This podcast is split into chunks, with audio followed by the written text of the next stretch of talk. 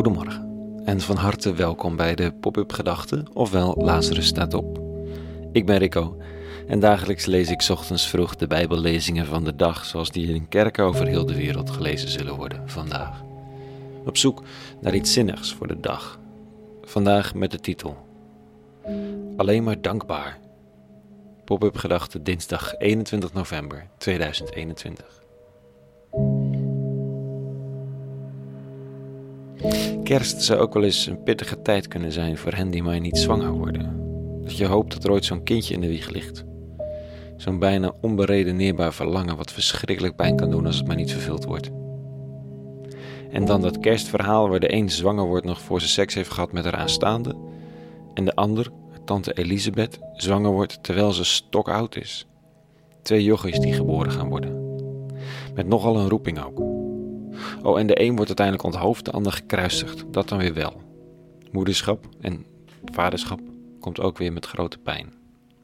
Zoals elke vorm van liefde grote kans loopt gepaard te gaan met grote pijn. Vandaag reist in de lezing nichtje Maria en tante Elisabeth. Gehaast nog wel. En dat heeft alles te maken met die aankondiging van die engel. Ze gaat namelijk zwanger worden. En dat zorgt voor praatjes.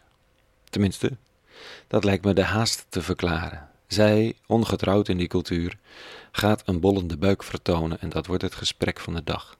Wegwezen dus. Naar de bergen waar haar tante woont en niemand een idee heeft. Zo ging dat toen, zo ging dat later nog heel erg vaak.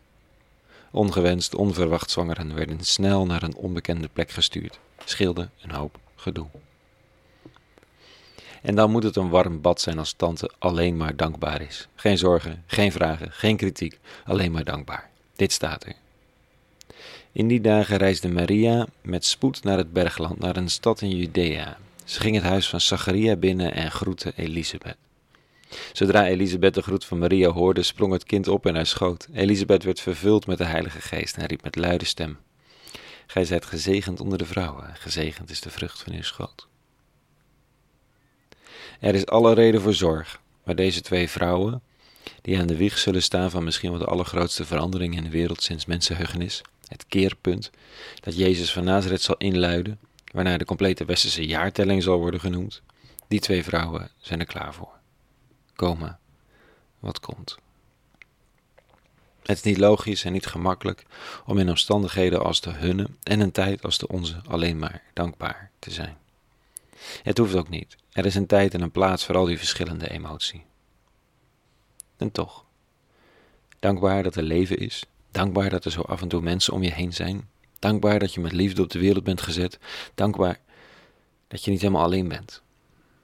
En er zullen tijden zijn dat het leven alleen maar pijn doet. Je alleen bent, je alleen maar verdriet en frustratie voelt tegenover degene die je op de wereld hebben gezet of gemis. Maar de dankbaarheid, we bouwen in Amsterdam-West deze dagen een installatie op, rouwen en vieren.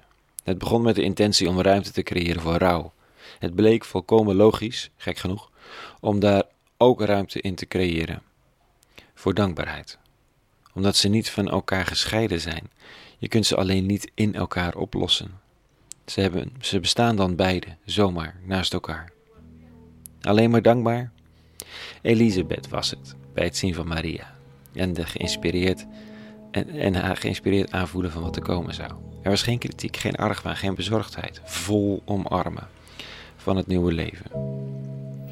Andere emoties zullen er ook zijn, maar vandaag is even de dankbaarheid instructief. En bezorgde harten, zoals soms de mijne, zeker in deze tijden, dankbaar voor het leven. Tot zover de pop-up gedachten. Een hele goede dinsdag gewenst en vrede en alle goeds.